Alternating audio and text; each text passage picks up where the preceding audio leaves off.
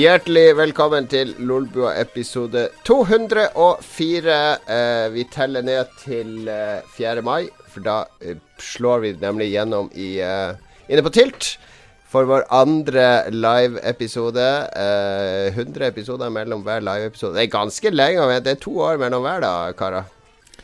Det er ganske chill, eh, chill stemning hos oss. Kanskje vi må gjøre det litt oftere. Ja, fra andre podkaster jeg har sett, de har ganske ofte Jeg har sett Parkteatret i Oslo. De har inni et hjørne av, av, av utestedet Så har de sett de av og til opp sånne mikrofoner og et miksebord, og så kjører de sitt folk der og spiller inn podkast.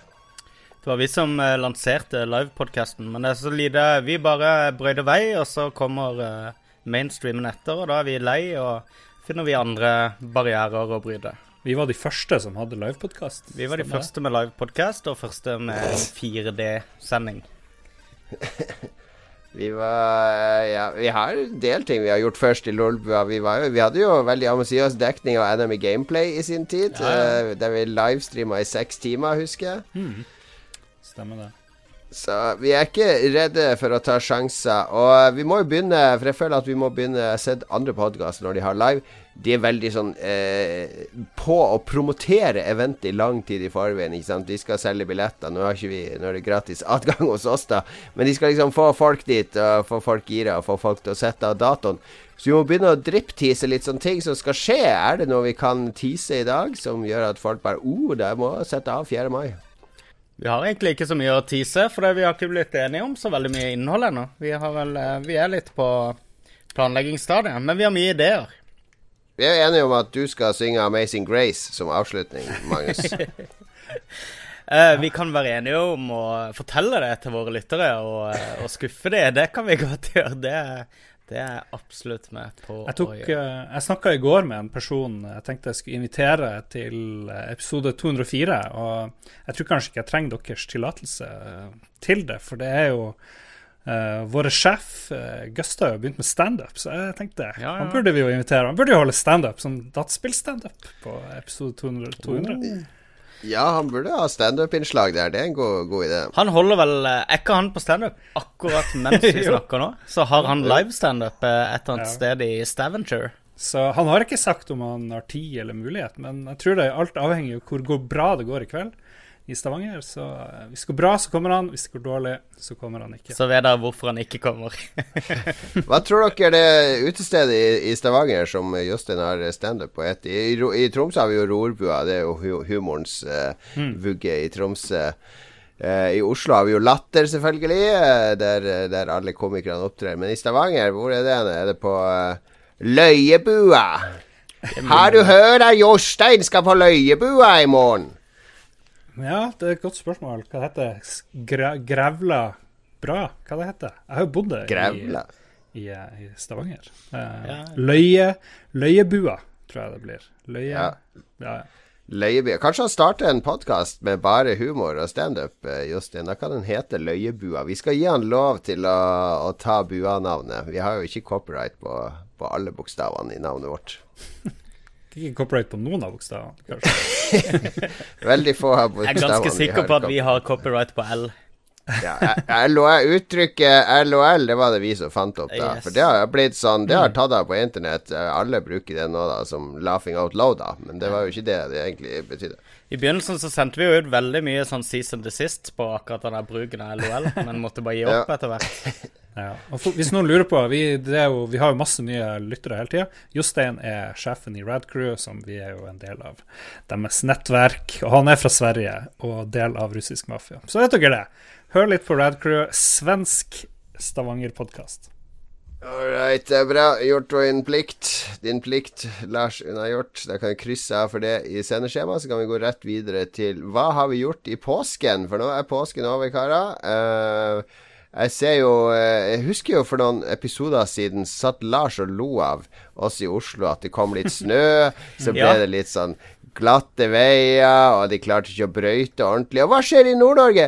Folk sitter isolert i ukevis fordi at en brøytebil ikke kommer frem. Og så ser jeg på en eller annen Facebook-gruppe Lars sendte meg link til i dag, mm. der folk legger ut bilder av 30 cm snø inn til barnehagen. Grusomt! Grusomt! Umenneskelig! For noe sytpeis! Har du ikke blitt en gjeng med sytkuker der oppe? Ja, akkurat den der siste var jo magisk. Anbefaler alle å gå inn på Hinnøya Maskin sin Facebook-side og se sånn 60 illsinte kommentarer om et bryteselskap som de mener, noen mener da ikke gjør jobben. Og det bare tar helt av. Eh, selskapet Selskapet eh, de liksom Vanlig kundeservice er kanskje Ja, ja, vi får godta at folk er litt misfornøyde. Her, her slår de tilbake på et vis. Det er litt spennende. Men, eh, men hallo, det var jo, hele Finnmark var jo stengt av. Du kan jo ikke drive og si at vi syter sånn generelt. Det jo det, det ble slått stort opp i Oslo at noen drev og måtte drite litt ekstra på hytta, og så driver folk og eh, dør. Lars, jeg sa, jeg sa, to ting. Det ene var jo at uh, vi fikk kritikk for at vi i sør ikke klarte mm. å brøyte mm. og måke og sånn. Og Da må jeg jo slenge den kritikken tilbake. Ja. Hvis halve Finnmark blir stengt av, så er det jo noen som ikke kan måke. Kommer litt snø opp i nord, der, vet du, så bryter hele kommunen sammen. Det stopper alt opp. Det er si typisk Nord-Norge. Det blir en ny episode 200-greie. Vi skal mokke konkurranse. Nordlendingen mot sørlendingen.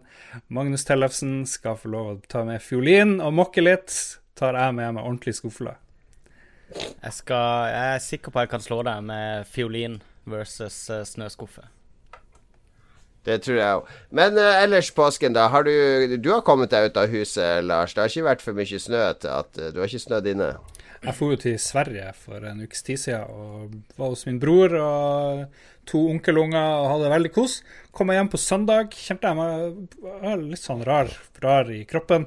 Mandag enda mer rar, så jeg har ikke vært ute av huset på siden da. Jeg har bare jeg drev og dreit meg ut i går, gjorde jeg. Og i natt satt jeg på do i sånn flere timer. Og jeg har en sånn skikkelig trasig dag i dag, da, hvor jeg har klart å ødelagt litt av en tann. For jeg skulle liksom bite av Vent litt, vent litt. Henger det sammen? Litt. Ja, det Spol litt tilbake her, for du sa du dreit deg ut i går, og så endte du opp på do ja. og drite i flere timer. Altså Var det sånn Uh, helt bokstavelig ja. at du bæsja i buksa. Ja, altså en, ja, ja, ja. 100 Det var jo ikke bæsj, da. Det var bare sånn her tyntflytende uh, sånn gusj. Og så Men jeg satt Var det sånn du trodde at det var en promp? Altså, ja, ja. Okay. En, og så bare oh, oh, oh, fuck, fuck, fuck. En liten teskje bløtt, som det heter. ja. Så jeg har også Jeg bæsja så mye en stund der at i stedet for å tørke meg, så måtte jeg bare gå i dusjen og bare stå der. så, og i dag liksom toppa det seg. Jeg, meg, jeg skulle drive og Først skulle jeg liksom klippe av en tåneglgreie. Sklei, sklei greiene. Jeg skjærte av en stor bit av, uh, av pekefingeren. det er en sånn grop der nå som uh, Jeg kjøk på det i sted, det ser ikke bra ut. Det skjer jo noe der oppe nå. Det er Også, først snøen, og bare mister ja, der alt. Altså, det er bare å lage liste her. Kan ikke måke snø, kan ikke drite, kan ikke klippe negler. Det er alle kunnskapene oppe i Nord-Norge. De driver og glipper ut vinduet. Alle motoriske ferdigheter. De mista den kollektive selvtilliten, rett og slett, etter det snø, snøkaoset. Jeg er skikkelig dårlig form akkurat nå. Sånn humør. Og så husker dere mikrofonen gikk rundt og intervjua Else Kåss Furuseth med og sånt. Ja, ja, ja. Og der, inni der så har det satt seg fast en sånn her eh, forstørr forlenger-dings, et eller annet, til mikrofonstativet. Skal jeg prøve å få den av? Men også kort, så jeg tenkte ja, jeg biter. Jeg bare tar og liksom, Munnen er jo det sterkeste vi har. Sterkeste muskel. Og jeg endte bare med at det begynte å pulverisere en sånn del av ene fortanna, som nå driver Det viste seg at eh, stål var hardere enn tann. Ja. Altså Hvis det her fortsetter, så blir det bare oss to i neste episode, Magnus. Da er det jo blir live fra begravelse i Harstad. Bare oppdatere Deadpool. Men sånn som dagen er nå, så tør jeg ikke å gjøre noe mer resten, eh, resten av dagen. Nei, det høres fornuftig ut. Det var meget dramatisk da. Magnus, du har jo, der har det skjedd mye. Du har jo faktisk begynt i jobb. Uh, ja, ja, i sånn fulltidsstilling. Det har jeg. I fulltidsstilling, mm. altså ikke i familieselskapet, men nå eh, må du ut av huset om morgenen og ja. ned på eh, kommunalt kontor. Det, det, er korrekt. Det er ganske det stas, det. Jeg jobber i eh, NFI i noen måneder. Um, som uh, prosjektkoordinator. Det er Norsk Filminstitutt, da. Yes. Det er ikke alle som vet det. Sånn Nei, det er sant. Det er sant. Det, ja, men det høres litt ut som FBI når jeg sier NFI.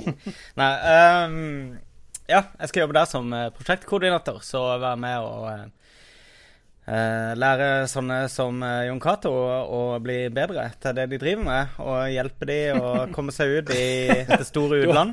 Du har jo sykt mye mer erfaring enn Jon Cato. Ja, men jeg skal, jeg skal sørge for å få han på noen turer, så han lærer litt mer, og sørge for at han får noen foredrag fra folk som kan flink, mer enn han om ting, og ja. Sånne ting skal jeg jobbe med. det. Jeg ser fram til det. Nei, men Gratulerer med en ny jobb. Det var også det som inspirerte dagens tema, for det er jo Ja. spilljobber. I og med at Magnus eh, nå Du har jo jobba i, i firmaet til familien din Ja, før, men jeg har, jo- du har vært jeg student. har jo hatt andre jobber enn det også, hele veien. Men, eh, men nå ja, er det noe småjobber, fast. Men det her er liksom en 9-4-jobb. Det her er liksom eh, en, en mer eh, ordentlig jobb. 9 til 5. 9 til Jobber 5.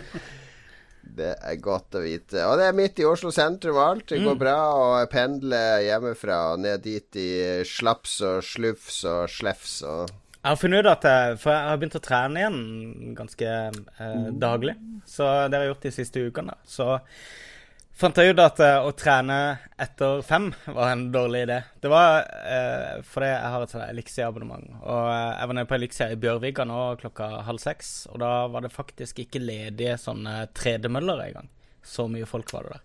Uh, Det er den Elixiaen som er i kjelleren i Barcode der. Riktig. Ja, Um, den er så kjip. Det er sånn der, eh, får sånn bunkersfølelse når det ikke er Ja. vinduer. sånn. Det er en ganske dårlig elixia. Men det har vært veldig greit her nå i påska. Det har ikke vært en kjeft der, så det har jeg kost meg. Så jeg lurer på om jeg skal begynne å stå opp eh, Jeg må vel stå opp klokka seks, tenker jeg, for å Ja. komme ned og trene Morgen- før jeg drar på eh, jobb. Morgentrening er bra, og da kan du gi Kaja og alle de andre på jobben sånn dårlig samvittighet når det er sånn Yes. friskus kommer inn. Er sånn ekstra morsomt spark om morgenen. Kom, jeg spiser er en banan og sånn når jeg kommer. på morgenmøte. Banan og litt uh, cottage cheese. Perfekt start på dagen. Lars, det, er tredje, det er mitt tredje måltid i dag. Åssen er det Elixian i Harstad, Lars?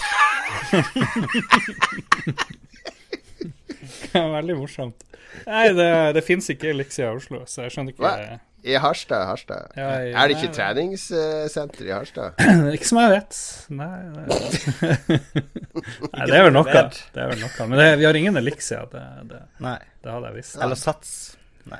Sats har vi Nei, vi har noe som heter um, Sats lager dere sjøl, si. Det er noe som folk kaller stamina, eller stamina hot, eller stamina. det er- det ja, uttales stamina veldig mye. Ja. Det er og hot, hva er, det, hva er det? Det høres ut som en spøk. Det er bare en kjede. Jeg foretrekker endurance cold. Mm. Åh, det er rollespillhumor. Uh, er det Jeg har gjort eh, Jeg har jo vært på Halsnøy. Det er alle som hørte siste episode, vet jo det. Med den elendige lydkvaliteten. Beklager det. Men eh, sånn er det på hytta. Og der har jeg vært med på den tradisjonelle årlige påskequizen. på Ja, det fikk vi bilder av. Kom med skryting. På Halsnøy samfunnshus, der eh, det fine Oslo-laget Sushi og Ipa, som vi kaller oss, eh, bare, for å distansere oss fra Ja, lokalbefolkninga. riktig. vi stakk av med seieren i år, til tross for at en hel runde var via til lokalnyheter. Med hvor mange ble tatt i fartskontroll utenfor uh, fjordtunnelen osv. Uh, så det, var- det er en utrolig god følelse å vinne en quiz, da. Nå skal det sies at nivået på Halsnøy-quizen er litt så som så Det er mange som er der bare for å møte gamle kjente som er hjemme etter påsken. Uh, som bare er der for det sosiale. Veldig mange, da. Så det er liksom kanskje tre-fire lag som har litt sånn seiersambisjoner. Ganske tett i toppen, men vi klarte å stikke av med seieren. Ingen klappa som vanlig, fordi at disse Oslo-folkene som ikke har noe tilhørighet til øya, Nettopp. kom og tok seieren. Lokalavisa var der, skulle lage reportasje. Sto og venta med kamera, kom bort. Ja, hvem er dere for noe? Så bare Når han hørte at vi var sånne Oslo-folk, tilreisende, så det bare Så det i øynene hans at ja, det var den reportasjen. Her skulle vi ha med lokale sunnhordalendingen som, som eh, seira i quizen og, oh. og sånn. Så var det bare de tilreisende turistene. Merker du eh, når dere er der, for det er jo et bitte lite lokalsamfunn, merker du en sånn fiendtlighet fra lokalbefolkninga sånn til daglig? Når det er der? Nei da, nei da. Det er jo ikke noe turistøy, så det er jo ikke masse turister. Det Nei, men eh. nettopp. Når jeg har besøkt en del sånne småsamfunn, så har det alltid vært en Du kjenner at det er en sånn også de. Eh, At det, det murrer litt. Nei, vi legger igjen masse penger der. Og så har jo Min svigerfar har jo røtter tilbake dit. Hans Mm. foreldre bodde jo der. eh, eller besteforeldre. Så det er jo litt deres eiendom som er bygd om til det sommerhuset vi bor i. Men eh, det, det jeg er veldig glad i Halsnøy. Mm. Veldig glad i den quizen og alt det. Jeg var litt irritert over den quizmasteren. Jeg blir jo litt sånn Jeg liker jo å være dungeon master eller i kontroll. Jeg er litt sånn kontrollfrik. Og her, Nå var det en helt ny quizmaster. Veldig bra skjema og sånne ting. Men hva var det 24? Det var 30 lag. Han skulle drive og rette arkene sjøl, da, mellom rundene. Det tar jo en halvtime. Ja. I sted, I stedet for å bytte og få inn og sortere og sånn. Å, så, så lagene uh, retta ikke hverandre? Nei, altså hadde han eh, Han hadde noe sånn der vi skulle rette hverandre, så skulle vi rope ut hvor mye poeng det var. Så han skulle rope opp alle lag. Det var veldig rar quizmaster-greier. Tipsa eh, du han litt, da? Sa du eh, jeg kommer fra en eh, skikkelig stor quiz i Oslo, Oslo by? På en sånn derre Nei, vet du hva? Jeg gjør IPA-pub. alt det det jeg alltid gjør de sjeldne gangene jeg er ute og hører en DJ eller konsert eller quiz eller noe sånt, så sier jeg alltid til de som gjør det, kjempebra. Ja. Skikkelig, jeg koste meg skikkelig, sier jeg. Selv om jeg ikke alltid at jeg koster meg sånn skikkelig, skikkelig. Og hvis det er helt ræva, så sier jeg ingenting. Men så lenge det er OK eller bra, så vet jeg at de er på jobb, og de gjør en hard jobb. Og så får de jævla mye sånn drit tilbake. Eh, krangle, folk skal krangle på spørsmål og alt mulig sånn. Jeg sier alltid 'kjempebra Chris', Ja, ja, ja. satt pris på det her. Jeg hadde en, de hadde en på jobb uh, her som slutta i stillinga si. Han hadde vært vaktsjef og skulle begynne som uh, journalist. Og så skrev han det på Facebook-sida si. Jeg er ferdig siste dagen og leverte min siste avis som vaktsjef. Og liksom jobba og svetta i tolv timer. og så kommer det en annen som bare sier Ja, ja Her er førstesida av avisen i går, det var skikkelig dårlig. Bla, bla, bla. Det er sånn What? ja.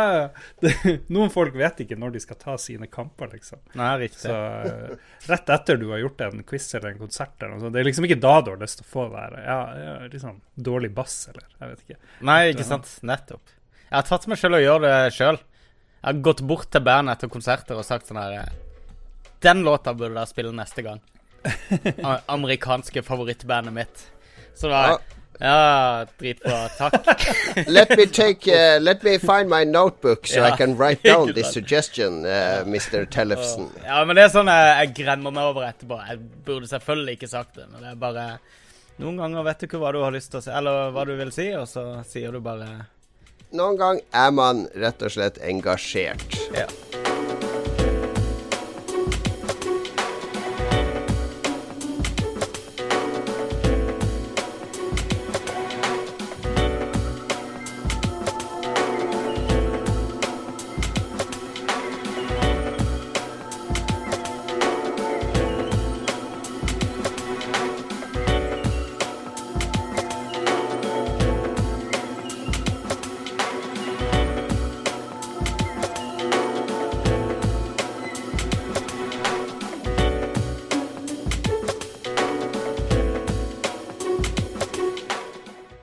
Shoji Meguro der med litt musikk fra PlayStation 3-perlen Catherine.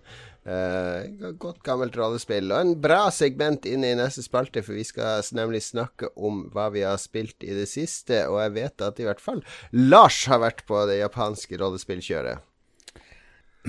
Det var kanskje jeg har spilt Nino Kuni 2 i det siste, og det kan godt hende at det var under Nino Kuni 2-spilling at jeg satt i sofaen, kjente at det her går galt. Og så det, det å reise seg når du kjenner at nå kommer du ut mer enn du hadde gambla på, liksom, og det er sykt tilflytende. Det er sånn du, du, Dere vet den der filmen med Catherine Zeta Jones og han, eh, Sean Connery med de røde laserstrålene, og de må liksom gjennom. Og så videre. Plutselig blir det sånn, da. Du må liksom bare opp med ræva, og så bare liksom vri rundt, og så liksom gjøre litt sånn her eh, Sånn akrobatikk. akrobatikk. Eh, Jeg er glad for at kameravinkelen for de som ser streamen, at kameraet er plassert under meg. Sånn som jeg sa før sendingen, det virker Jeg ser slankere ut når jeg filmes unnafra. Jeg, jeg, la merke til det her at du har kamera un, under deg. Hvorfor tror du at det er slankende? Hvem har fortalt deg det? Hvem er det som har løyet? Er det her Nå fortalte jeg det her på 1. april, eller? Jeg sa, jeg sa det som ironi, men tydelig at ironigenerasjonen er død. For det her tar alle alt jeg sier, alvorlig. Men jeg syns det var litt gøy. Bare provosere. Dere prøver å ha kamera så høyt opp under taket som mulig. Jeg bare går og viser Jeg plasserte det oppå monitoren. Det er bare skjermen, helt Mulig praktisk. dobbelttaket. Så Jeg kan godt ta det ut ja, hvis det er det du vil. ja, ja, ja. Jeg har det oppå skjermen min. Jeg har ikke Det- noe valg. Det er ingen unnskyldning. Ok, nå kan jo hva Oi! Sånn. Crotch. Crotch view.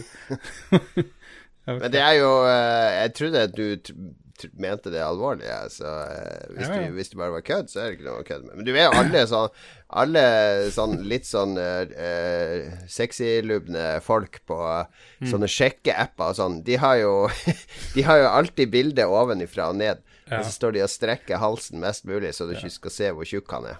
Nå har vi eh, suis Lars-sending her, med bare under, eh, under kamera resten av sendinga. Eh, eh, det var en kødd, men jeg vil, det jeg, jeg burde gjort, det var å ta på sånn stripete klær. For det, det vet jeg. Det virker i hvert fall sjankende. Dessverre har jeg Ja, de svart. sier så. det, er vel, det er vel der Jeg har aldri sett en uh, feit straffange. uh, hvem var det som foreslo det? Jeg så det nettopp. En annen komiker som foreslo Ja, jeg lurer på om det var faktisk i Larry Sanders Show. At eh, eh, karakteren til Sarah Silverman hadde en vits om at eh, i fengsler burde de heller ha horisontale uh, gittere. For at eh, folk skulle se tjukkere ut i fengsel. What? Det er en kjempebra joke. All right, det var avsporing. Vi snakka om Nino Kuni 2, altså rollespillet fra Faktor 5. Ja, vi prata Eh, jo om det for et par sendinger siden òg, da jeg spilte det. Eh, Deler du mine inntrykk, eh, Lars, eller er det noe annet som eh, opptar deg? da? Hvis jeg skal oppsummere kjapt det du sa, så sa du at det var Eller det går jo ikke an å kjapt oppsummere, for jeg drev jo og klippte den episoden, og vi snakka vel i tolv minutter om Nino Kuni 2. Ja. Og du hadde en veldig veldig fin review, men um, du sa at det var ganske lett. Det er jeg enig i. Det er jo et rollespill, og det prøver på alt, sa du òg. Ja. Veldig variert, for plutselig så styrer du hærer på slagmarken. Plutselig så eh, springer du rundt på sånne her eh, verdenskart, hvor du plutselig får sånn superdeformed karakterer. Og plutselig skal du snike. Du kan snike på noen levels eller steder. Og så skal du liksom Du gjør veldig mye rart, da. Du- Basebygging, puzzles, ikke minst. Basebygging. Puzzles, det er sånne trials. Og så er det sånn vanlig labbe rundt og prate med folk og slåss mot fiender, som et typisk eh, japansk rollespill. Og du mente at det gjorde de tingene ganske bra. Eh, Ja, etter åtte og en halv time, eller hva jeg spilte nå i Ja. mellom dobesøk, så er jeg ganske fornøyd. Men, eh, men det, er, det er litt sånn Jeg blir litt provosert over hvor lett det er. Eh, Ja. Det gjør jeg.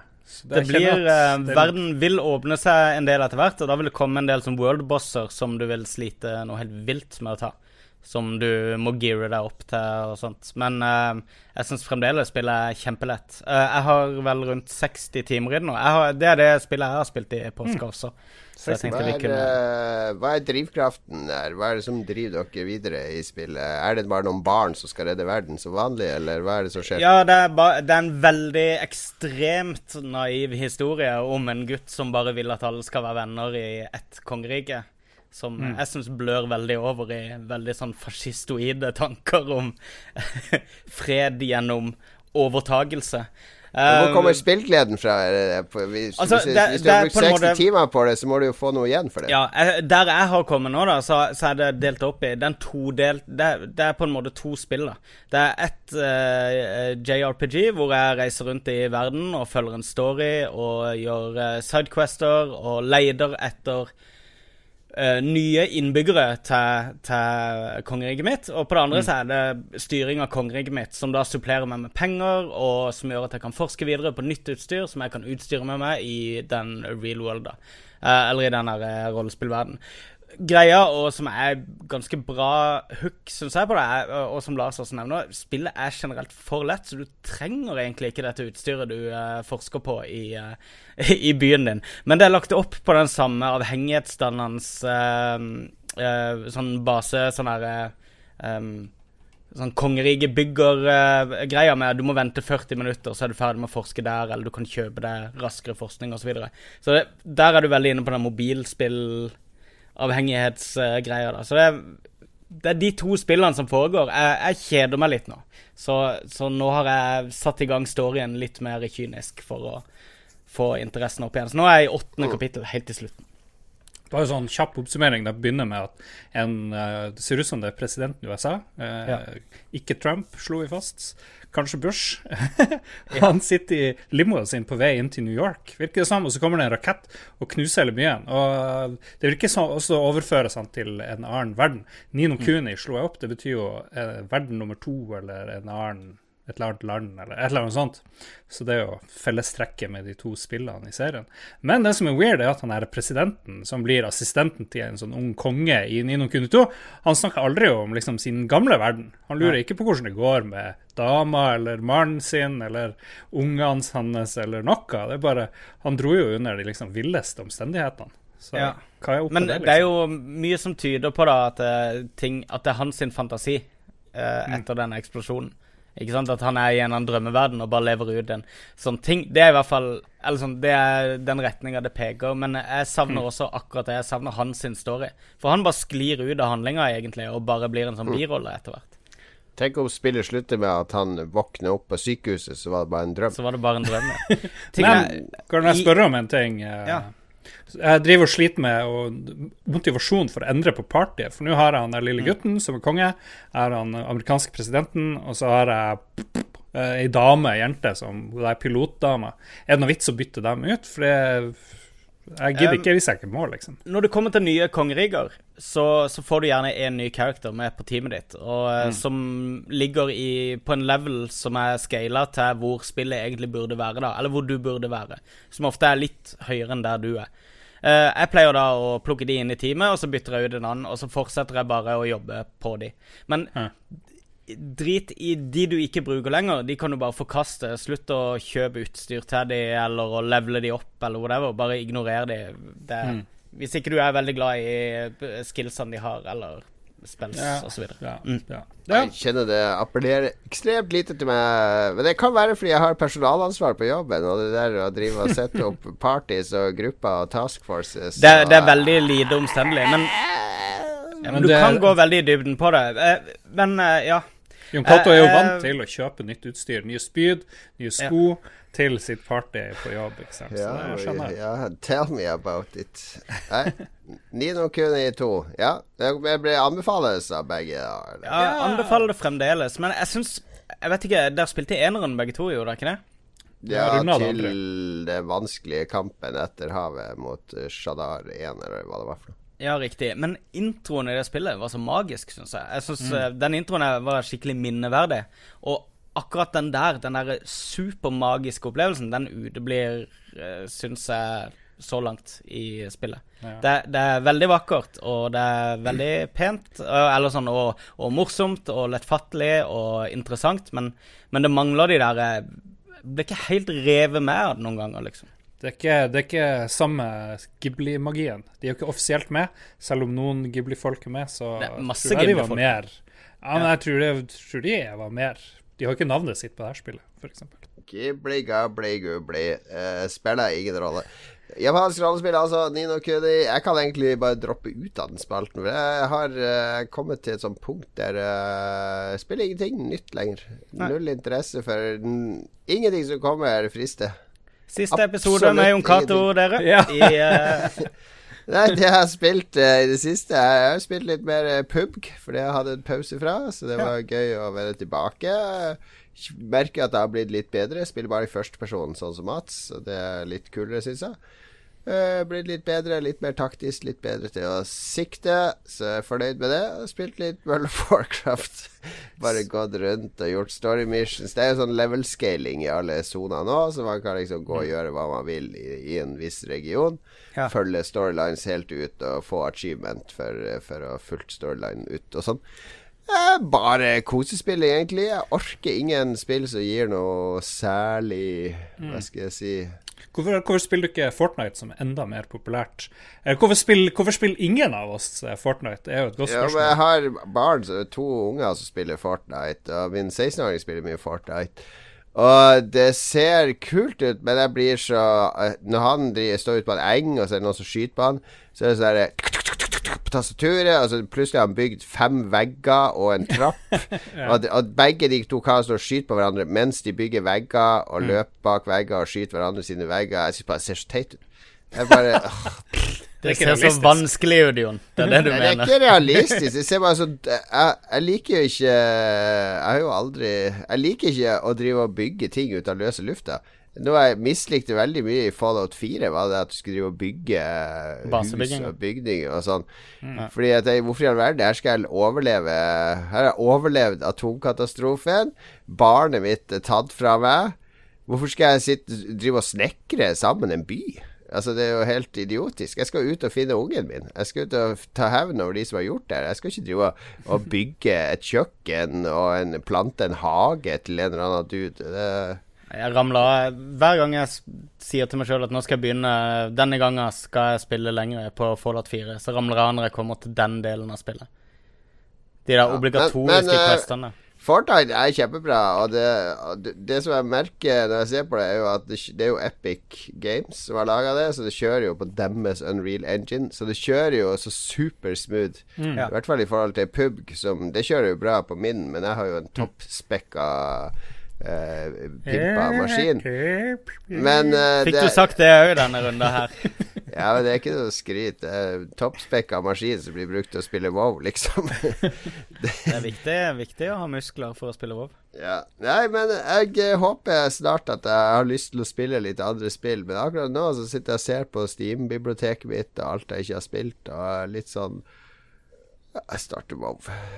Starter Tar en runde PUBG. Ja, men det er sånn er det av og til. Det er greit. Men jeg er oppriktig interessert, nysgjerrig på hvorfor vi ikke gidder å spille. Eller ok, jeg har prøvd én gang eh, verdens mest populære spill, kanskje nå, det der Fortnite. Men det har, litt, det har kanskje litt med byggetingen å gjøre for meg også. Enn du, Lars, kanskje vi skal Vi skal tilbake til fredagsstreamen vår. Kanskje vi skal Ja. spille Coop på Fortnite på uh, fredag? Genialt.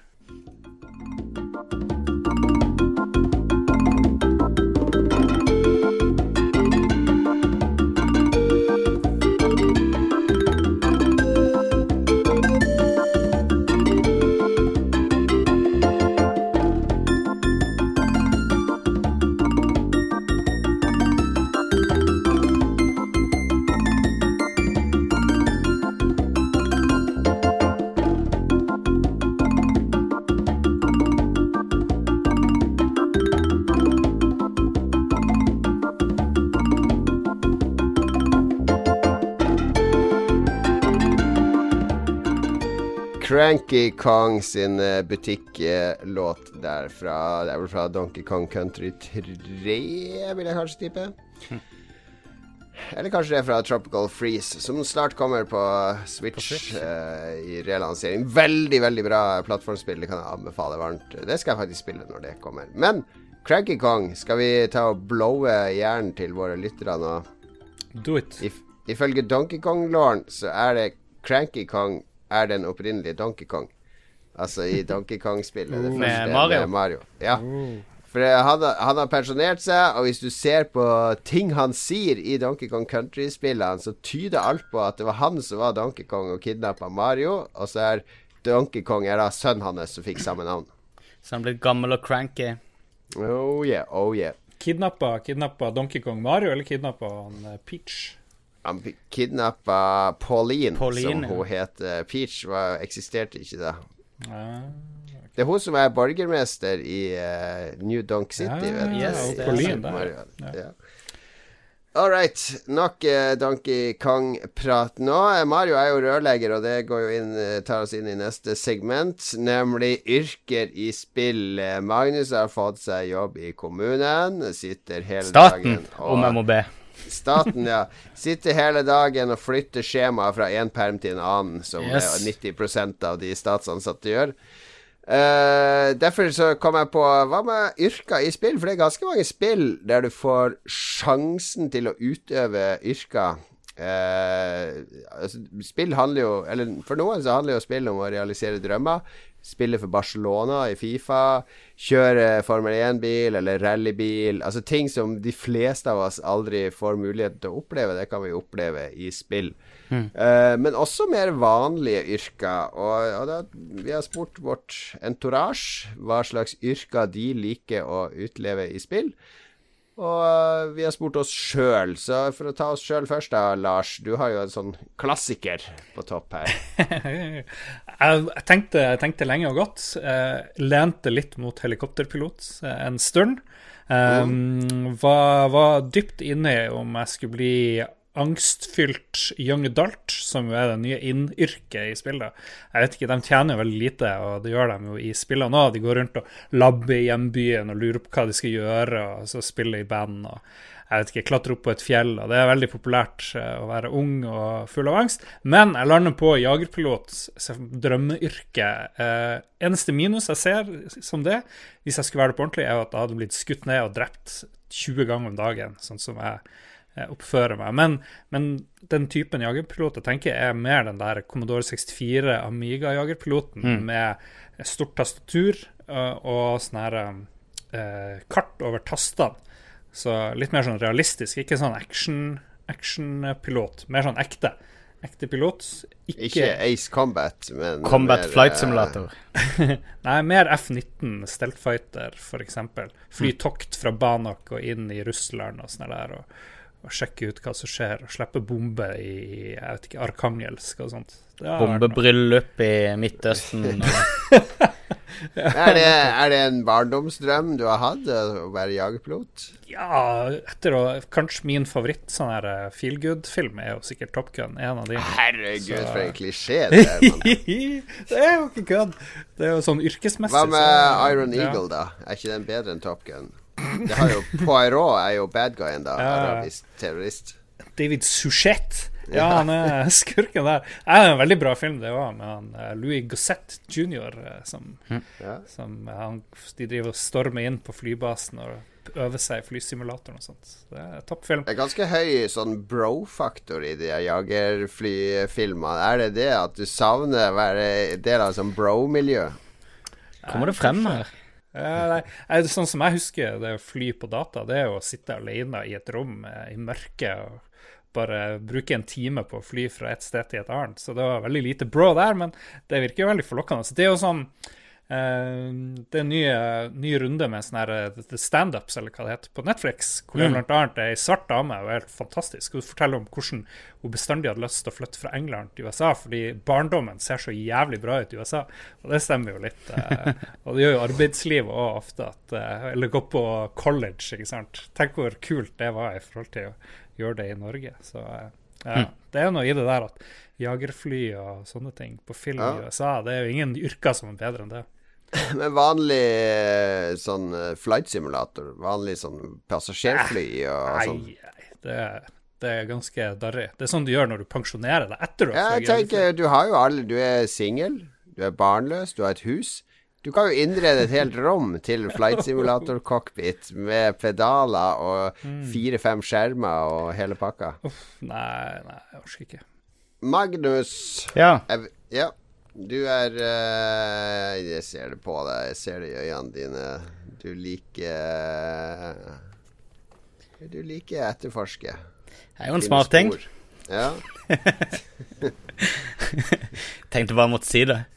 Alt som har med etterforskning å gjøre, alt som har med løsning av mysterier å gjøre, innsamling av beviser, eh, resonnementer, eh, puzzles Alt som krever at eh, at et eller annet må mm. gå opp for meg for at uh, ting skal bevege seg videre. Det har jeg vært tiltrukket av i så, ja, så, lenge jeg kan huske det uh, av spill.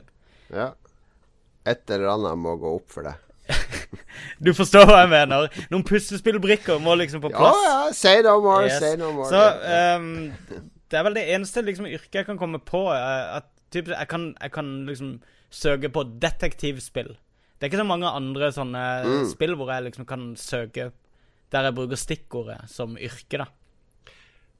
Det er ikke så mange av de spillene der du faktisk er detektiv. Det er vel bare Tex Murphy jeg kommer på av de her eventyrspillene der du er detektiv. Ellers er du jo en bokhandler eller en uh, journalist, mm. eller Uh, en, men uh, ja, du hadde jo Police Quest-spillene, du hadde Sherlock Holmes-serien, ja, som, som, er sånn ja. dårlig, men bra. Og ja, nei, men Du har helt rett. Uh, men det er jo også derfor etterforsker kanskje er en, en bedre beskrivelse av Men hadde du, Hvis du hadde fått sjansen, tror du du hadde blitt en bra etterforsker i politiet? Uh, ja, ei uh, venninne av meg jobber som politietterforsker, og uh, har, jeg har pressa masse ut av uh, informasjon om åssen de jobber og alt sånt her.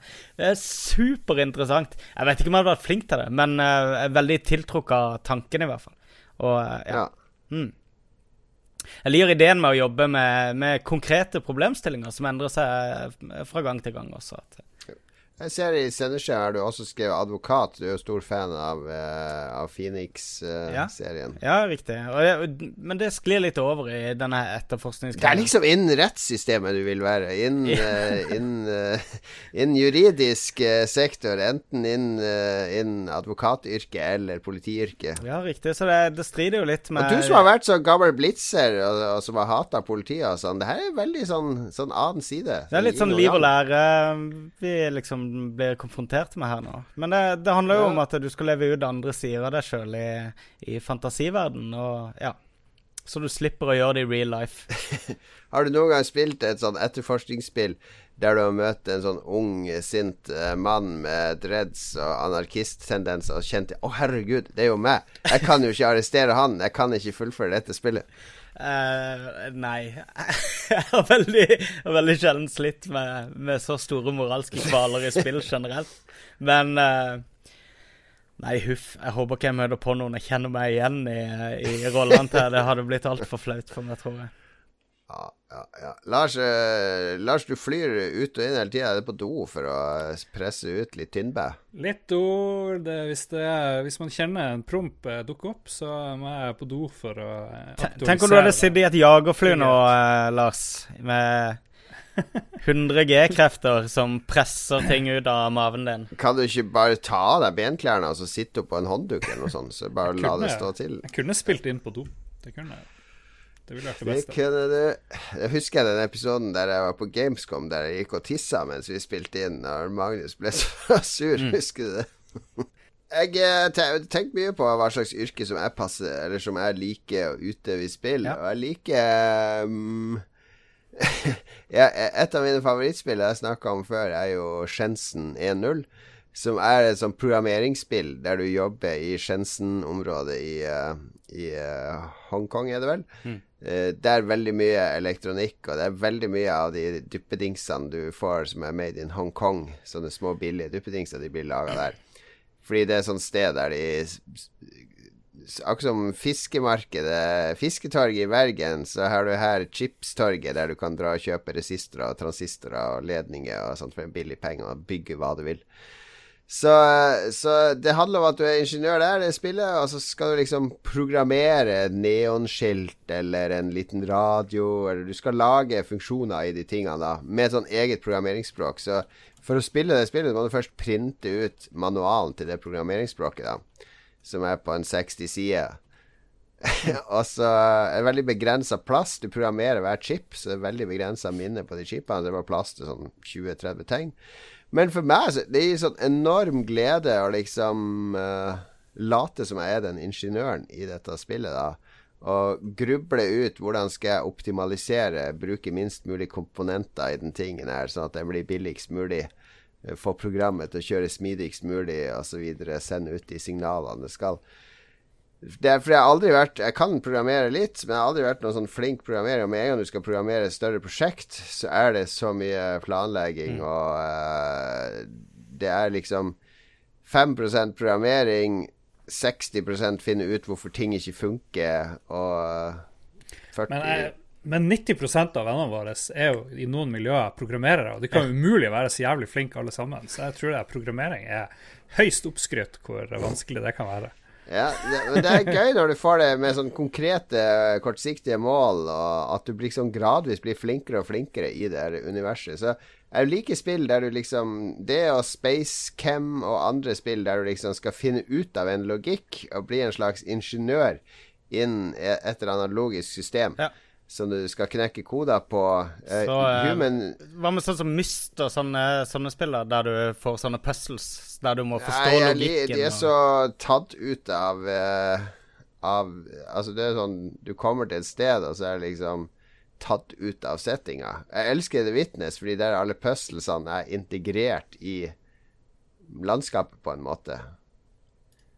De har, det er en tematikk som henger sammen med det du gjør. Mens i Myst er det sånn du går rundt i en skog, og så plutselig så kommer det en sånn maskin med fem spaker og fire tannhjul, og så skal du liksom prøve deg fram og finne ut hvordan det funker. Ja, det er henger ikke enig. sammen med det, ja. um, Jeg tenkte dette med å bare bli presentert for et system som du må forstå logikken i, og så Jo, men det er bare ett det, det er ikke Det er et system som jeg står litt på sida av resten av spillet, hvis du skjønner skjønner ja, hva ok, jeg mener. I The Witness er liksom hvert område er sitt system. Og så må du finne ut av logikken i det systemet, og så eskalere det hele tida. Altså når du går Mm. ut fra det området, så har du også lært noe som dukker opp seinere i spillet. Som du må koble sammen. Så det er, hele spillet er et sånn gigantisk system. En sånn meta Witness er gratis på Xbox uh, denne nå Ja, disse ja. ukene her, hva? Var det ikke det vi fant ut? Det er det. Det er pusler, pusleren. Sjekk det gjerne ut. Nei, men det å mestre systemer og Ja. sånne ting, og, og manipulere de til min fordel, det liker jeg godt. Mm. Og så kan jeg på andre yrker jeg liker veldig godt. Et av mine avslapningsspill er jo Eurotruck Simulator. Mm. Det er noe veldig avslappende med å kjøre bil sakte og rolig. jeg var jo leide Vi flytta kontor nå fra Hamar til Oslo. Så jeg var leide en sånn 19 kubikks eh, varebil, så er det største du kan kjøre med vanlig sertifikat. Er en ganske stor bil, da. Du må sitte ganske høyt, og det er sånn eh, Hva heter det? Sånn lem bak, så du kan liksom ta ned med knapper. Sånn Føle deg skikkelig som en arbeidskar når du kjører sånn bil. Og når jeg kjørte rundt i den, det minte meg så mye om Eurotruck Simulator. Jeg gjorde akkurat det samme som jeg gjør i det spillet. Tar sånne breie svinger, dobbeltsjekker sidespeilene. Jeg var skikkelig Jeg har lært mye av dataspill. Det må jeg si. Jeg har begynt å kødde med Google Hangout Toolbox og datt fullstendig av. Ja, nå må du følge med her. Nå skal vi spille litt musikk, og så slår du av den der dumme hangboxen. Uh, hang, uh, Hangout-toolboxen. Ja, og så skal vi høre hva slags spillyrker våre lyttere faller for.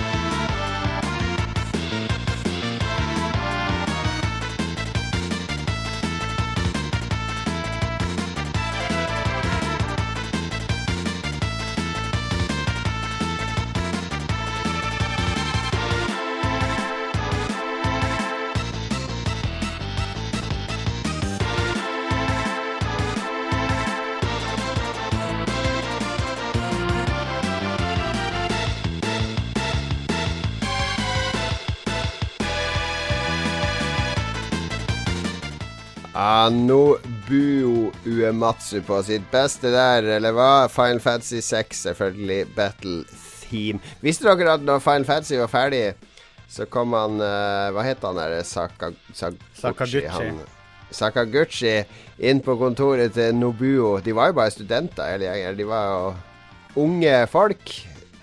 Og bare OK, da er vi ferdig med Final Fantasy. Vi trenger en tittelmelodi, da. Det har vi glemt helt av. Han bare OK, ja, nå trenger du den? Nå!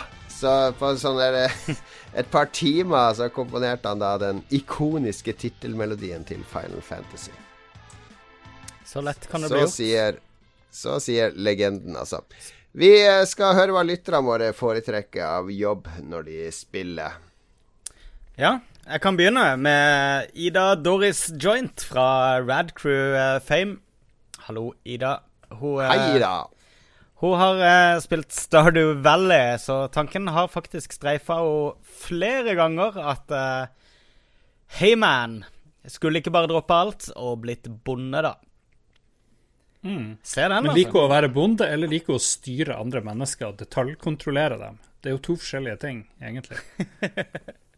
Ja, nei, si det. Jeg, jeg ser for meg at hun eh, ser for seg bonderomantikken. eh, bo ute på landet, ute på Og styre med planter og dyr og kose Det er jo, det er jo ikke en uoppnåelig eh, drøm. Altså, jeg kjenner et, hele to personer i Danmark som har flytta fra storbyen ut på landet, og liksom De er jo ikke bønder, men de kombinerer en jobb med dyrke hage og, Ja. og leve litt mer av naturen.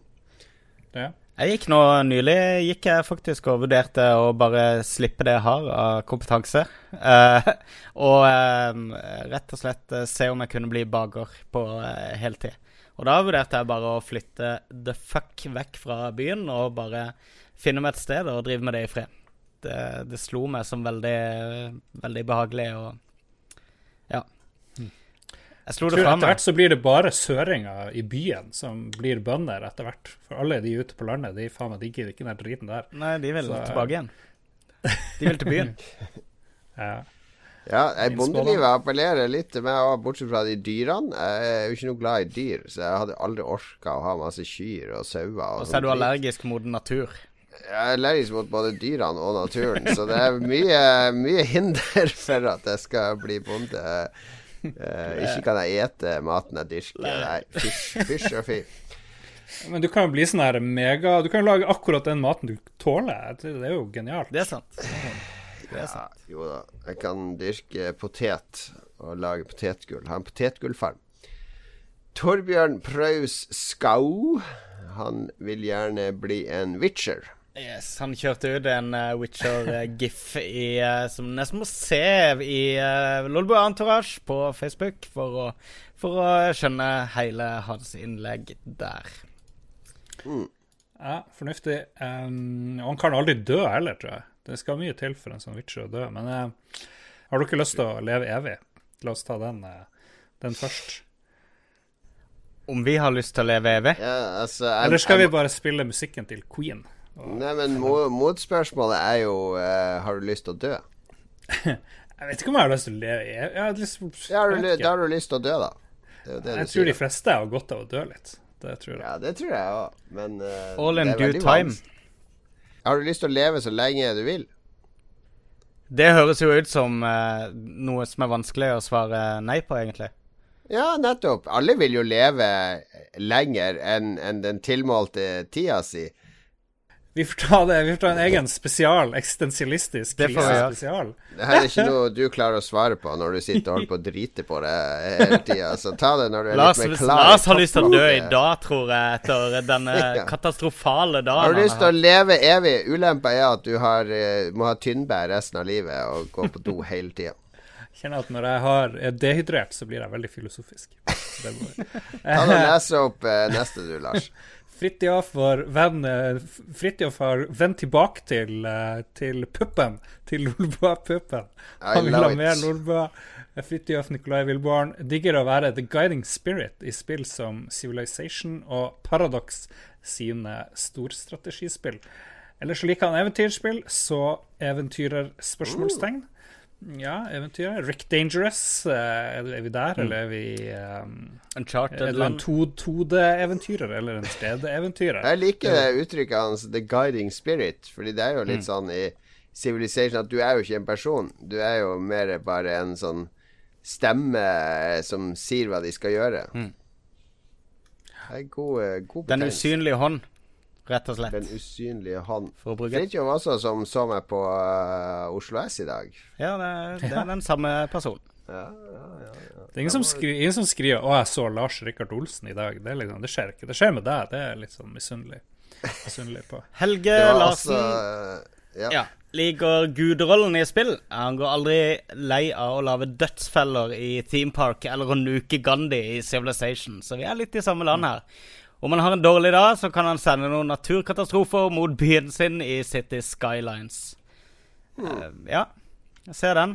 Du er en uh, Eh, vengeful Helge god. er, er den typen som lekte med forstørrelsesglass i maurtua, tror Ja, du det? det høres veldig sånn ut. kan fort gå den veien. Jens Arthur Leirbakk, uh, friend of the show, må vi vel kalle han. Uh, I hvert fall venn av Lars. Ja. Back in the day spilte han Jones in the fast lane. Det var ganske on topic for da og for nå. Her er sosial kommentar et eller annet sted. Og det spilte jeg sykt mye. Jones in the fast lane. Um, Det var multiplayer òg, var det ikke det? Det mener jeg husker vi kunne spille Jeg ikke. Jeg, jeg, kan dere si navnet på produsenten fort ti ganger? Han Gurka Singh Kalsa. Det, det er artig. Nei. Det kan jeg ikke. Dennis Burkovic Jeg tar den fordi Lars klarer ikke å følge med i sin dehydrerte er tilstand. I, I want to be a pirate. Yes, han la jo også opp selvfølgelig bilde av vår gode venn Guybrush Threepwood, der han står i Scumbar i Monkey Island 1 og sier den kjente setninga. Du er jo megafan av de spillene, Ja. Magnus. Du har aldri hatt lyst til å bli Kledde du deg noe ut som sjørøver da du var liten? Ja, det gjorde jeg. Og jeg har, vært, Ja. eh, jeg har jo vært mer enn ti ganger i Disney World også. Og eh, favorittriden har jo alltid vært Pirates of the Caribbean der. Som var en inspirasjonskilde til Monkey Island. Ja. Um, den riden der er fremdeles Det er en Får litt sånn klump i halsen når du tar den nå, med disse her Hva er de heter for noe? Sånne her, eh, animatroniske dokker? Er det det det heter? Um, som driver Ja, og synger ja. sånn her eh, Sea Chantis og ja.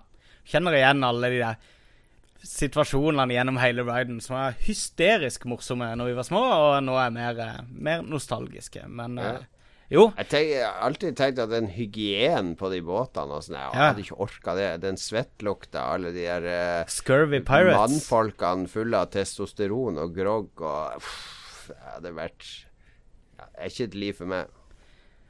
Nei, det, det, det krevde sin mann, det der, eh, har jeg inntrykk av. Men eh, den der kombinasjonen da, av Karibien og eh, denne lovløsheten og eh, fri på havet og Ja, eh, og leide etter sjøbuk og, og tyfilis og Tyfilis. Tyfilis. Jeg tenkte på en tyfon og fikk, eh, syfilis samtidig. Jeg er glad vi fikk vaksinert vekk tyfilis. Tyfilis høres jo ut som en sånn barne-TV-figur. ja, tyfilis? All right. Tyfilis, eh, NRK Super hver onsdag klokka 17.30. Følg Tyfilis sine eventyr nede i guttetissen. Uh, Erlend Selvig eh, la opp et eh, kjent og kjært eh, PlayStation 2-cover og skrev 'Bouncer', kanskje, med referanse til Square Enix-spillet, Oh. eller Squaresoft-spillet The Bouncer. Um, og legger til at ellers er det gøy å spille rørlegger. Med en Mario-referanse der. Spilte dere The Bouncer fra Squaresoft? Det var vel et mindre populært spill, var Ja. ikke det? Jeg kan ikke huske prøvde det vel, men uh, Det- er det noen som drømmer om å være rød, uh, sånn uh, Utkaster. Dørvakt? Utkaster, dørvakt? Det er jo et drittyrke, er det ikke? Ja, det er mer en sånn derre Ja, men da kan du få jobb som det.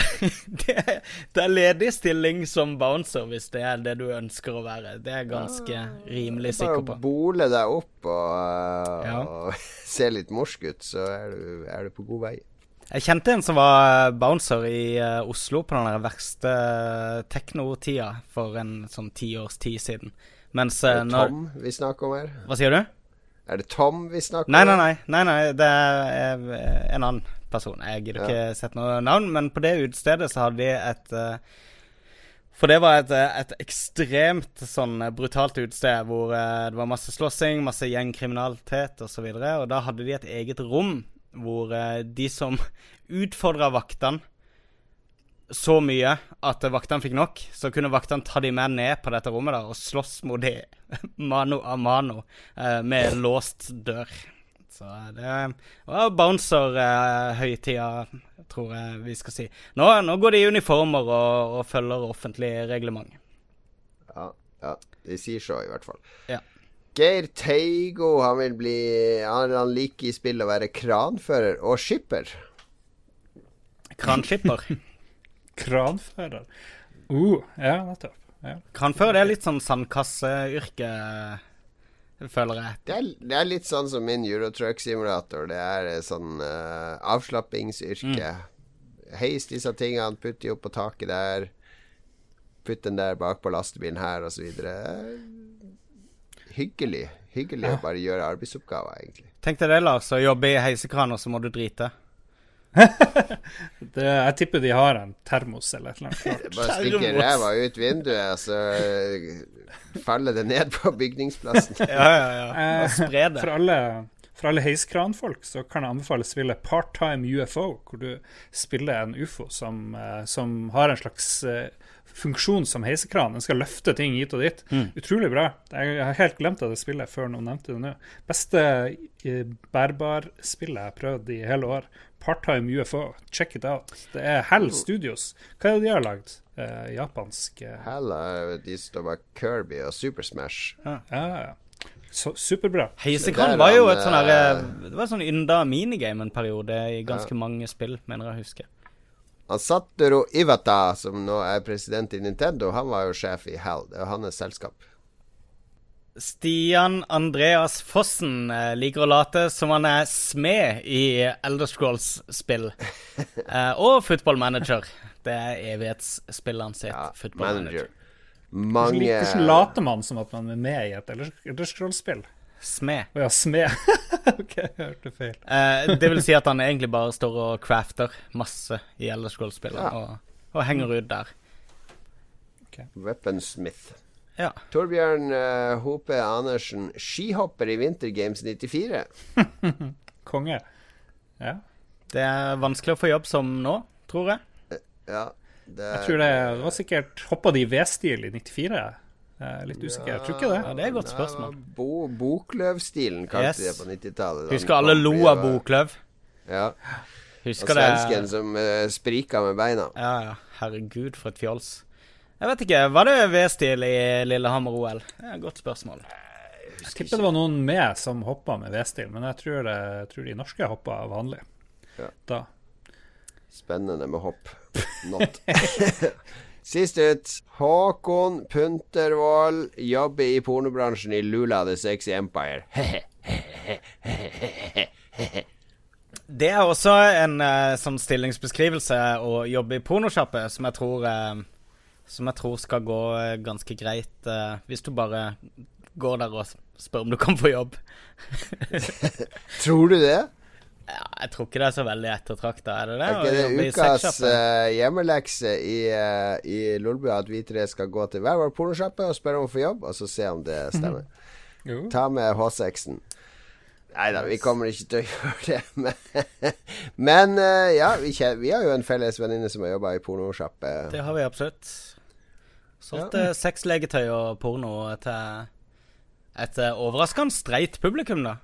Jeg, var, jeg hang jo mye der nede og prata med henne når hun var på jobb. Ja. Brukte det som unnskyldning. Jeg skal jeg bare få prate med deg, altså. Jeg, skal, jeg er overhodet ikke interessert i disse produktene rundt det. Ja, det var Spesielt at dere kaller mora til Jon Cato for en felles venninne. Men Ah, da må du gi deg! No, you didn't.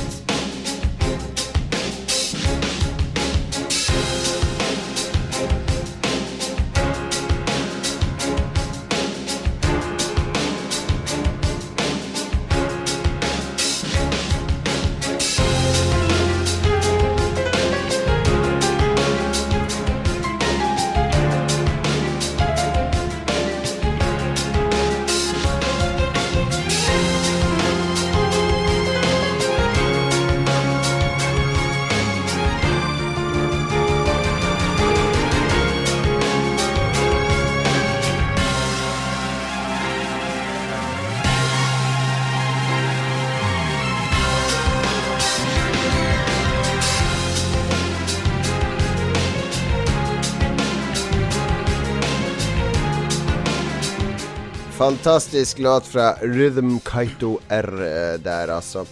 Uh, før eh, Lars tok eh, Bare Lars, jeg må minne deg om at det er min familie og svigerfamilie. De gjør mer for å spre og like og uh, share i sosiale medier enn noen av deres familier. De liker og deler mer enn Listhaug. Hva, hva har bror din likt på Lolbua-siden, Lars? ingenting. Nei, nettopp. Ja. Nei, jeg har ingen Du har, du har helt rett. Beklager Ja. at jeg antyder at mor di jobber i sexbransjen. for å si det sånn. Sa han litt snurt. Ja, sorry! skal vurdere å godkjenne den unnskyldninga. Mulig du får deg en på trynet på livesendinga. Kanskje vi skal gjøre, ta oppgjør der, da. Eh, håndbak og wrestling og litt sånne ting. Det er veldig mye som skal skje i denne episode 200. Magnus, kanskje du kan, du kan ta på deg sånn der hvit og svart stripa Sånn skjorte? Sånn wrestlingdommerskjorte. ja. ja, og så tar jeg og Lars og slåss. Lett. Uh. Vi skal komme med ukas anbefaling. Uh, vi avslutter alltid med det. Uh, vi anbefaler noe helhjertet. Jeg kan begynne, fordi min anbefaling er sånn ca. ni år for seint ute. Åtte år var vel da eh, første gang jeg hørte noen anbefale det for meg. Jeg bare Matprogram. Hvem gidder vel det? Ja. Men uh, nå uh, i påsken så begynte jeg så vidt å se på Eller jeg satt på Getboxen for et par en måned siden. Så så jeg litt på en søndag da jeg var litt fyllesyk. Så der hadde de sånn De sender jo sånn seks Nei, fire episoder av Masterchief Australia hver søndag på eh, en eller annen kanal. Max, eller hvor det er. En, eller annen sånn der eh, dustekanal. Ja. Uh, og så satt jeg på serieopptak på det der, fordi jeg så et par episoder av Bakfyll, og det var veldig spennende. For de, og likte et par av de kokkene, og det var veldig kul mat de lagde da. Og så har jeg hatt serieopptak på det, da, så jeg har jo sånne 30 episoder med Master Chief Chef. Master Chef Australia Australia liggende. Så jeg drev og så på på søndag og mandagen nå i slutten av påsken. Og kona mi er også hekta. Vi har aldri sett på det før, da. Det er bare så utrolig bra matprogram. Nå er vi inne i den uka der han hesten Blumenthal er på Ja, ja, ja. besøk. Og sånne så nye utfordringer hele tida. Og så er det Det liker veldig godt, det er ikke noe sånn oppkonstruert drama. Fordi alltid når du skal lage sånn realityshow der folk skal bo i lag De bor jo i lag her òg, så er det sånn det skal bli sånn her forelskelse og drama og sånn tull. Her er det bare rett på sak. Det er matlaging, matlaging, matlaging. matlaging Og personer, helt vanlige folk som byr på seg sjøl, og som er dritflinke å lage mat av. Drama er supersekundært der. Det er, jeg, jeg elsker jo Masterchef Australia. Jeg, det er jo kjempegøy at du eh, har plukka det opp, eh, Jon Cato. Ja. Det, det er sånn jeg har på i jeg, Det er jo noen sånne 50 episoder i hver sesong. Eh, det er sånn jeg obsesser med i, i noen uker. Så, men da, du kan liksom ikke se to sesonger etter hverandre. Du er, du er ferdig etter å ha sett en hel sesong. Da noe, burde du gi det en måned eller to, og så komme tilbake. Ja, jeg har ikke tenkt å binge-watche alle elleve sesongene som finnes. Jeg pleier å ha det på mens jeg lager mat sjøl. greia er For det er jo veldig intenst. De er jo veldig intense også, alle sammen. Det er jo uh, eh, Det er alltid det er sånn, kroken på døra eh, hvis noe går galt nå. Det er litt sånn stress også, jeg er ikke litt sånn oppkonstruert med sånn musikk hele tida. Ja. Så er sånn der Five minutes! Five minutes left, everyone! Time to think about your plating! Og så, og så er det sånn oh, oh, oh. Folk står og koker over de her pannene og sånn. Det er liksom Det trenger ikke være så stressende. Nei, men det er jo gjerne klippa litt Klipp, Ja, det, jeg vet jo at det er klipp til, så at det skal se ut som alle står i fyr og flamme det siste minuttet, men eh, ja. Men um, jeg har i hvert fall uh, Jeg har det på mens jeg lager mat sjøl. Og det, det er et annet med de jobber så veldig strukturert og så veldig intenst, som gjør at, det, at jeg blir sånn super ryddig og strukturert og kjapp og oversiktlig og Ja. Det, det gjør et eller annet med meg også, da. Så jeg har merka at i perioder hvor jeg ser mye på Masterchef, så, så er det mye ryddigere på kjøkkenet. Og jeg er mye raskere til å lage mat, og jeg gjør ting ja, mer strukturert. Og, så det, det hjelper faktisk. Du har en sånn indre Indre masterchef i hodet ditt som geleider er et kult program. Og eneste synd jeg kan jo ikke spise halvparten av rettene, for de er fulle av nøtter og avokado og Ja, ja. annet uh, ulumskheter. Så, men det ser veldig godt ut, det meste de lager. Det gjør det. Så er de lavmælte. Det er, det er sånn likbare karakterer. Det er, ja, det er veldig morsomme, morsomme folk. Magnus, da? Du, jeg har, Din eh, dette her er en dokumentarserie, eller en dokumentar, som jeg har, jeg har gleda meg i jeg tror et halvt år. Så har jeg drevet og mast på dere om at eh, dere må sjekke ut en HBO-dokumentar som kom i USA. Jeg tror det er et halvt år siden, kanskje mer. Eh, som jeg så via HBO Now, eller et eller annet sånt. Det er The Defiant Ones, som er en slags sånn uh, Det er en, eh, en dokumentar i fire deler, én time hver episode, som tar for seg uh, to personer. Dr. Dre, kongen av hiphop, og en som heter da James Dr. Alban. Hva sier de? Og Dr. Alban, ja. Som er kongen av svensk eurodance. Nei, uh, han andre er en uh, for meg mye mindre kjent uh, person, som er James Iovine. Som jeg trodde skulle være han kjedelige, da. Grunnen til at det er disse to som er, som er utgangspunktet for, for dokumentaren, er at de sammen drev Beats by Dre, denne øretelefonserien som tok helt av, som alle fotballspillere går med Beats-headsets. Um, og serien begynner egentlig der, der historien slutter, med at de, eh, de selger Beats til Apple for 3 milliarder dollar. Og, eh, og gjør eh, Dr. Dre til tidenes første hiphop-milliardær. Men så går, går de tilbake i tid, og jeg gleder meg veldig til å se en dokumentar om Dr. Dre. Jeg er jo stor fan av basically alt han har gjort fra seint 80-tall og utover. Men du, du følger han eh, gjennom eh, selvfølgelig tida da han var med å definere gangsterrap med NWA. Uh, og ikke minst for å ha skapt uh, G-funk-sounden, som liksom var lyden av LA hiphop gjennom hele 90-tallet.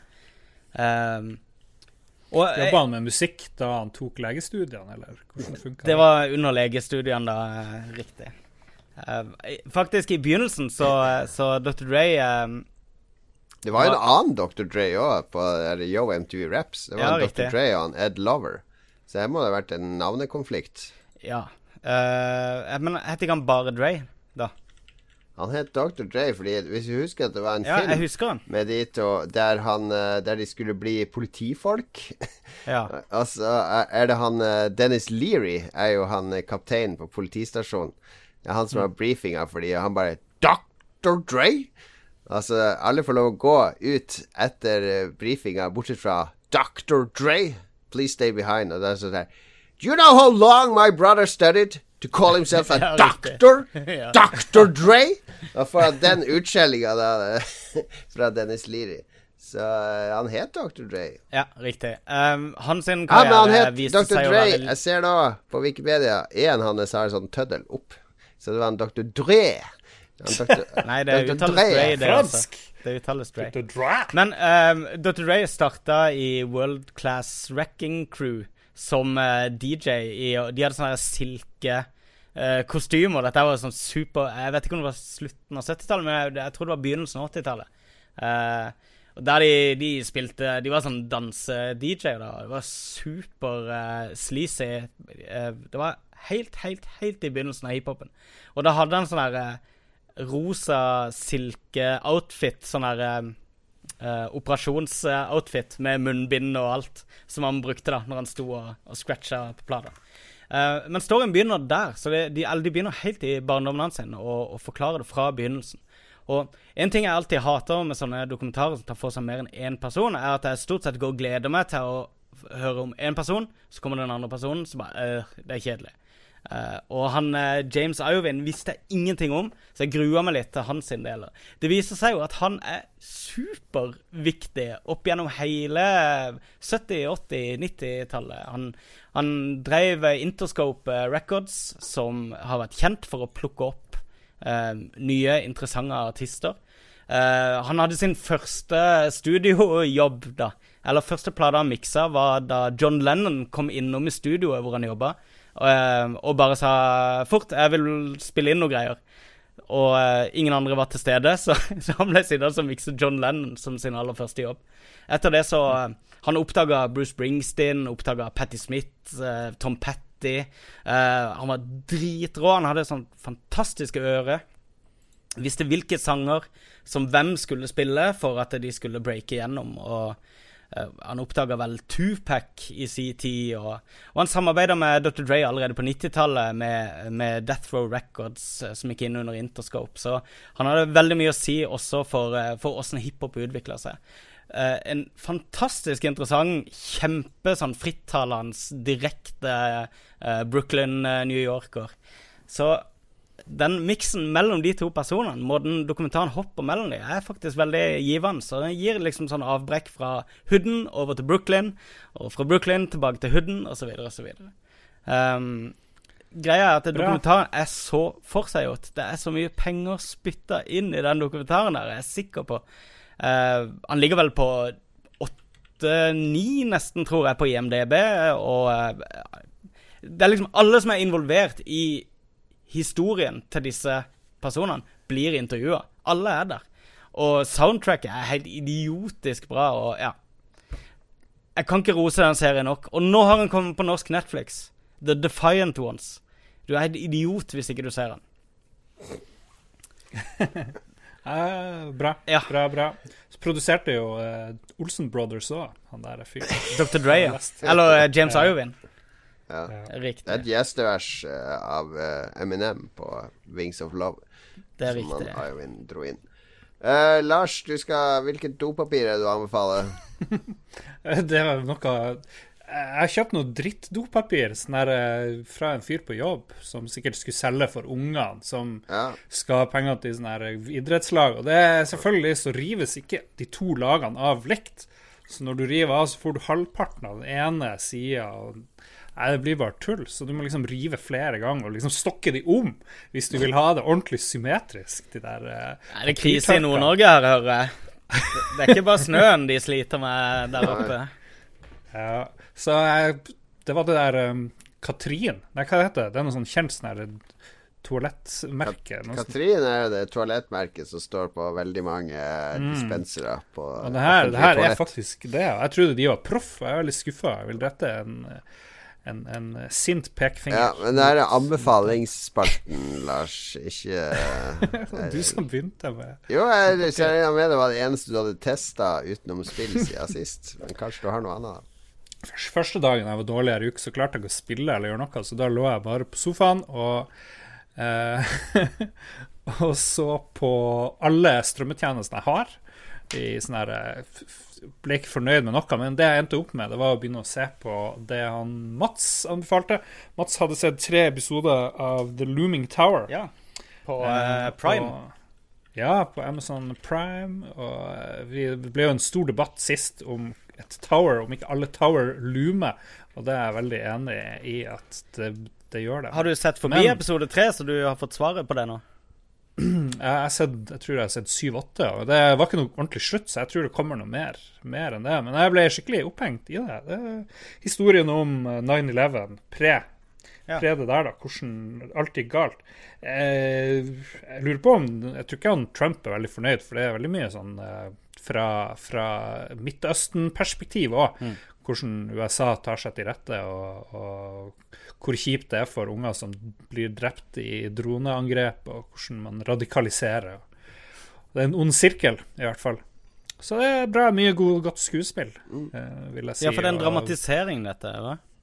ja, ja, og det, det, det du var bekymra for, Magnus, det var jo om det ble liksom billig. Fordi sånne her dramatiseringer er jo ofte litt shit. Ja. Her, er, her er pengene bare tyter ut av hvert, hvert eneste frame på, Å, på skjermen. Ja. Så er det bare å eh, understøtte Mats sin anbefaling. Og, og hvis du får uh, omgangssyke, eller hva nå enn jeg har, så er det bare å se den. Nordnorsksjuka, tror jeg vi kaller den. Uh, The Looming Tower, da, anbefalt på nytt av nok en uh, nordlending her i Lolbua. Hjemmelekse neste gang. eh, ble veldig inspirert her av det Lars sa om eh, det, det, at det er en dramatisering av folk som fortsatt lever og sånn, som kan være litt kleint. Hvem? Hjemmelekset neste gang. Finn ut eh, topp tre skuespillere. Hvem skal spille deg i dramatiseringa om Lolbua? Hvilke, hvilken skuespiller skal spille deg, Lars, i dramatiseringa av eh, Lolbuas eh, når, når Lolbua blir verdens største podkast og konglomerat og hva vi skal få til, så vil, det jo komme en sånn film om når Lolbua ble til. Hvem skal spille oss tre? Finn ut det. Vi kan, kan komme med forslag på hvem som skal spille deg, og de to andre, da. Det, det gjemmer deg ikke til neste gang. Men hva mente du med topp tre? Nei, det var, glem det. Finn ut hvem som skal spille det, Lars og meg. All right. Ja, lytterne må gjerne komme med forslag. Ja, I, våre, I våre sosiale medier, Lolbua på Facebook, eh, Lolbua Entourage, som er den indre kjernen. Bare spør om å bli medlem der. Vi slipper inn alt. Absolutt alt kommer inn der. Ingen, ingen sperrer der. På LO og Trello og Treo og uh, hva det skulle være. Twitter, Lolbua er vi også. Ja. Den i trello.com. Og husk nå, hold av 4. mai, for da kommer vi til Oslo, alle mann. Da inntar vi tilt. Da blir det show til langt på natt fredag 4. mai. Vi håper vi ser deg der. Kos deg her. Ha det bra. Ha det!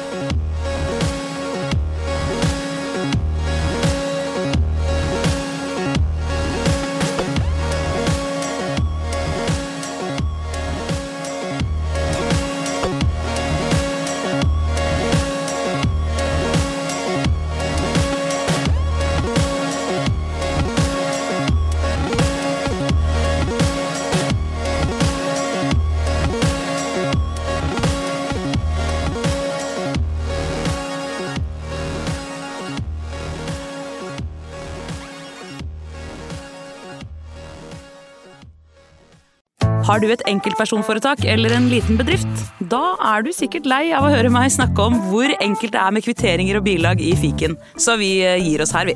Fordi vi liker enkelt. Fiken superenkelt regnskap.